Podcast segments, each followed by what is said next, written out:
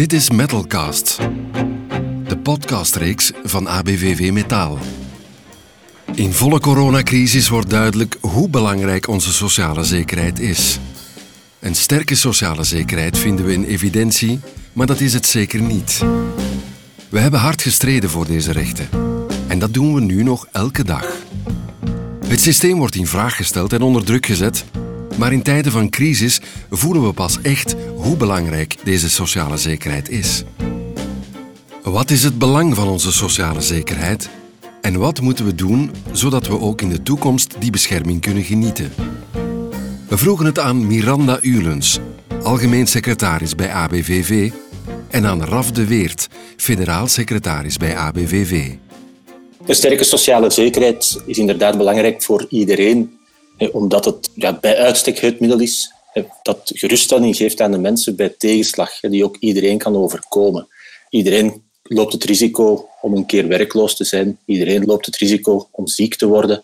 Iedereen hoopt op zijn oude dag eh, er nog bij te zijn. Dus, en dat zijn allemaal systemen die in onze sociale zekerheid vervat zitten. we hebben de werkloosheidsuitkeringen daarvoor, we hebben ziekteuitkeringen, we hebben een pensioenregeling daarvoor. En dat is dan het systeem dat we sociale zekerheid noemen en dat door iedereen gefinancierd wordt en naar nood ook gebruikt wordt door iedereen. Wat is nu de sterkte van ons systeem, die sociale zekerheid? Dat is ook wetenschappelijk wel bekeken en onderzocht. En men stelt vast, zonder sociale zekerheid zouden 40% van de werknemers een risico lopen op armoede. Dat wil niet zeggen dat zij in de armoede zouden zitten, maar ze zitten kort bij die grens van de armoede. Dus bij een kleine tegenslag komen zij in de armoede terecht.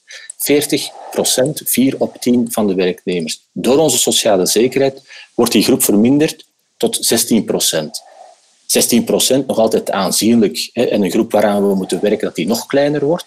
Maar het geeft de kracht van onze sociale zekerheid zeker weer. Het geeft ook een beetje aan dat we inderdaad nog moeten werken voor die 16 procent ook kleiner te krijgen.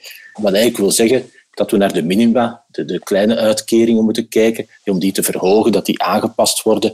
En als dan Raf zegt, onze uitkeringen zijn niet riant en niet overdreven, uiteindelijk zie je bijna, laat ons zeggen, op een vijftiental uitkeringen via de sociale zekerheid, is dat er maar twee boven de armoedegrens liggen en de andere onder de armoedegrens. Dus dan zeggen wij, als men nu inderdaad dat opvangnet heeft om bij het verlies van een job, zelfs al is het tijdelijk, of om bij ziekte ervoor te zorgen dat je toch nog op het eind van de maand de facturen kan betalen, wel, dan zie je toch wel dat het merendeel van de mensen eigenlijk wel een verlies lijden en dus veel minder hebben dan dat ze bij een gewoon loon zouden hebben.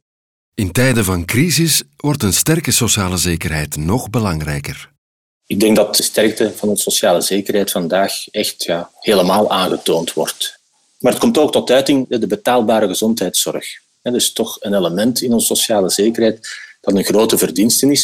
Het is ook de belangrijkste uitgavenpost in onze sociale zekerheid. We hebben geen Italiaanse toestanden, we hebben geen Spaanse toestanden meegemaakt in onze ziekenhuizen, dankzij de grote inzet van de mensen ter plekke natuurlijk in de eerste plaats, maar ook dankzij een systeem dat ervoor zorgt dat die middelen aanwezig zijn.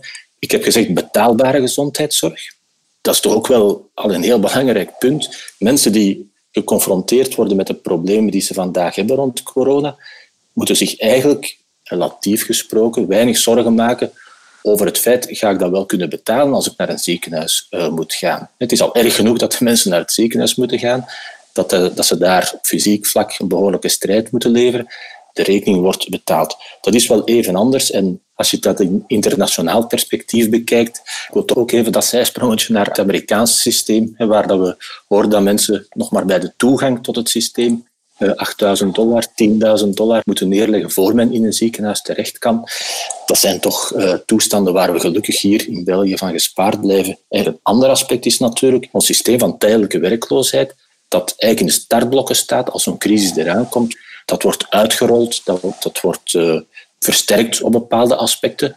De, uitkering wordt een beetje verhoogd, er wordt een supplement toegekend. Maar we hebben een systeem dat toelaat dat de mensen niet in die armoede terechtkomen. Want ook daar, als je daar internationale vergelijkingen mee maakt, zijn er landen waar mensen terugvallen op, op eh, inkomens ja, die je nog nauwelijks een inkomen kunt noemen. 300 dollar, 400 dollar. Dat zijn bedragen waar mensen absoluut niet meer rond kunnen komen. Onze sociale zekerheid geeft ons een bescherming die uniek is in de wereld. In de meeste landen is zo'n bescherming er niet. Ik kan u zeggen dat België aan de top staat dankzij het goede sociale beschermingssysteem en onze sociale zekerheid. Dat is een diamant.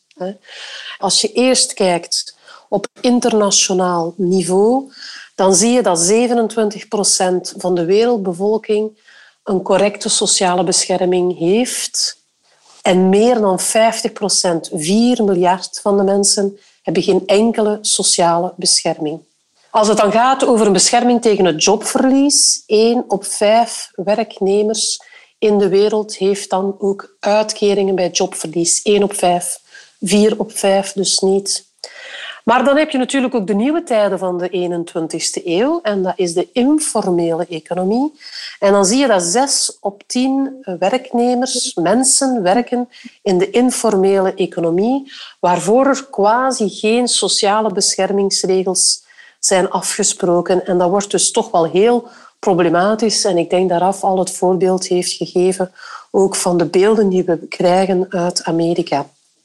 En wat zien we nu? Dat bijvoorbeeld 80 procent van de arbeidersklasse, 2,7 miljard mensen, dat die op dit ogenblik in lockdown zitten, dus thuis, zonder werk. En dus, als je dan heel concreet naar Amerika gaat kijken, 13 miljoen werknemers hebben hun job verloren in de eerste twee weken. 13 miljoen. Dat is een, een werkloosheidscijfer dat van 3,5% op de bevolking van Amerika naar 20% is gegaan op twee weken tijd. En dus drie van de vier Amerikanen zitten dus quasi aan een inkomen dat bijna nul is. Dus we kunnen toch wel zeggen dat we, als we het internationale vlak bekijken, uh, dat België aan de top staat van de bescherming uh, dankzij uh, onze sociale zekerheid. Solidariteit is de grootste troef van onze sociale zekerheid. Iedereen draagt zijn steentje bij. Want uiteindelijk wordt de sociale zekerheid al 75 jaar lang voor twee derde gefinancierd met bijdragen van de werknemers. Direct loon en indirect loon. En dus ook door middelen van de overheid. En wat zijn middelen van de overheid? zijn onze belastingen. Want mensen in België vragen zich soms af waarom dat ze belastingen betalen. Wel, ze betalen ook belastingen om het systeem van de sociale zekerheid te financieren. En zoals je weet uh, heeft Trump eens ooit België of Brussel de hellhole van de wereld genoemd. Wel, wij zitten nu wel midden in de crisis, maar wij zijn geen hellhole dankzij onze sociale zekerheid en het feit dat Belgen in hun DNA solidariteit hebben, uh, kunnen wij nu dus echt voor zekerheid zorgen voor mensen vandaag en morgen. Veel mensen staan niet meer stil bij de sociale bescherming die ze krijgen. Toch is onze sociale zekerheid nog maar 75 jaar oud. Achille van Akker is de peetvader van die bescherming. Wij stonden nog heel fier te blinken op 28 december 2019, omdat we toen de 75ste verjaardag vierden van onze sociale zekerheid. En we zijn dan naar Brugge gegaan bij Achille van Akker. En Achille van Akker was een socialistische politicus die we eigenlijk de peetvader, eh, de godfather van onze sociale zekerheid noemen, omdat hij in 1936 al zijn goed kostuum en goede schoenen had aangetrokken om een tour van België te doen, om de mensen te overtuigen dat het nodig was dat mensen bij tegenslag of na een lange carrière werken, dat ze dan konden rekenen op een uitkering van pensioen of van uitkering van ziekte of werkloosheid. En in 36 deed hij dat al en dan is de oorlog eraan gekomen.